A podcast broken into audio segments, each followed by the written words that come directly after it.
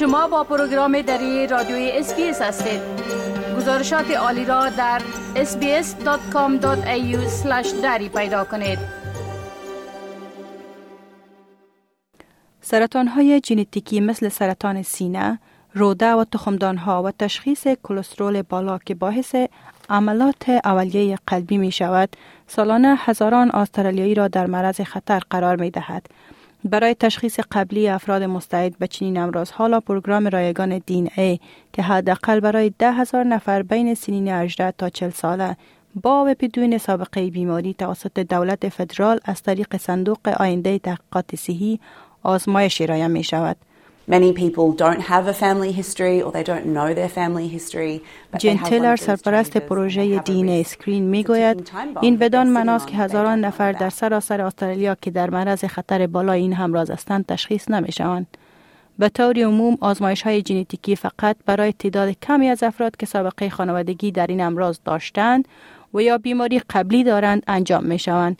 اما بسیاری از مردم یا سابقه خانوادگی این امراض را ندارند یا اینکه از آن آگاهی ندارند اما آنها در معرض خطر به ابتلا این بیماری هستند و ارائه این نوع مطالعه که به صورت رایگان در سطح جمعیت قرار دارد یک روش جدید است که در جهان برای اولین بار ارائه شده است. And that was actually really good because it gave me the time to think about it without having to make گولدمن در سن 26 um, سالگی آزمایش دینه را انجام داد و متوجه شد که در معرض خطر ژنتیکی سرطان در آینده است. او می گوید این واقعا خوب بود که به من فرصت داده شد که از سن پایین تر تشخیص ابتلا به این بیماری را بدانم. زمان بیشتر داشتم تا در این مورد فکر کنم و تصمیم بگیرم. افراد می توانند که با استفاده از صفحه نمایشی دین ای به طور آنلاین ثبت نام کند. این افراد یک لوله کوچک را از طریق پست دریافت می کنند و با قرار دادن بزاق در آن لوله کوچک دوباره آن را بازگردانند. مشخصات جینی افراد به صورت محفوظ نگهداری می شود و نتیجه را بعد از سه ماه دریافت کرده می توانند.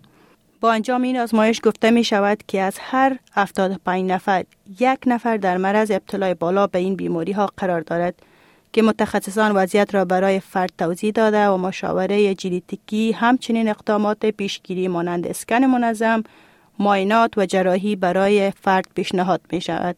Some people will remove their breasts and have a reconstruction. And after the age of childbearing تیلر می گوید که بعضی از افراد حاضر می شوند جراحی سینه را انجام دهد و بعد از سن 40 سالگی اکثرا به افراد مستعد توصیه می شود که ها و رحمشان را نیز خارج کنند تا خطر ابتلا کاهش یابد.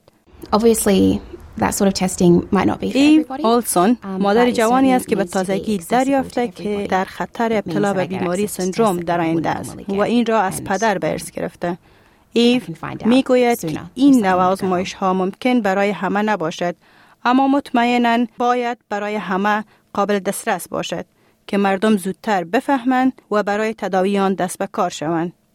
این مادر 31 ساله می گوید که داشتن آگاهی ژنتیکی و شریک ساختن آن با فرزندان، خواهران و برادران می توانند نجات دهنده باشد. بپسندید، شریک سازید و نظر دهید. اسپیس دری را در فیسبوک تعقیب کنید.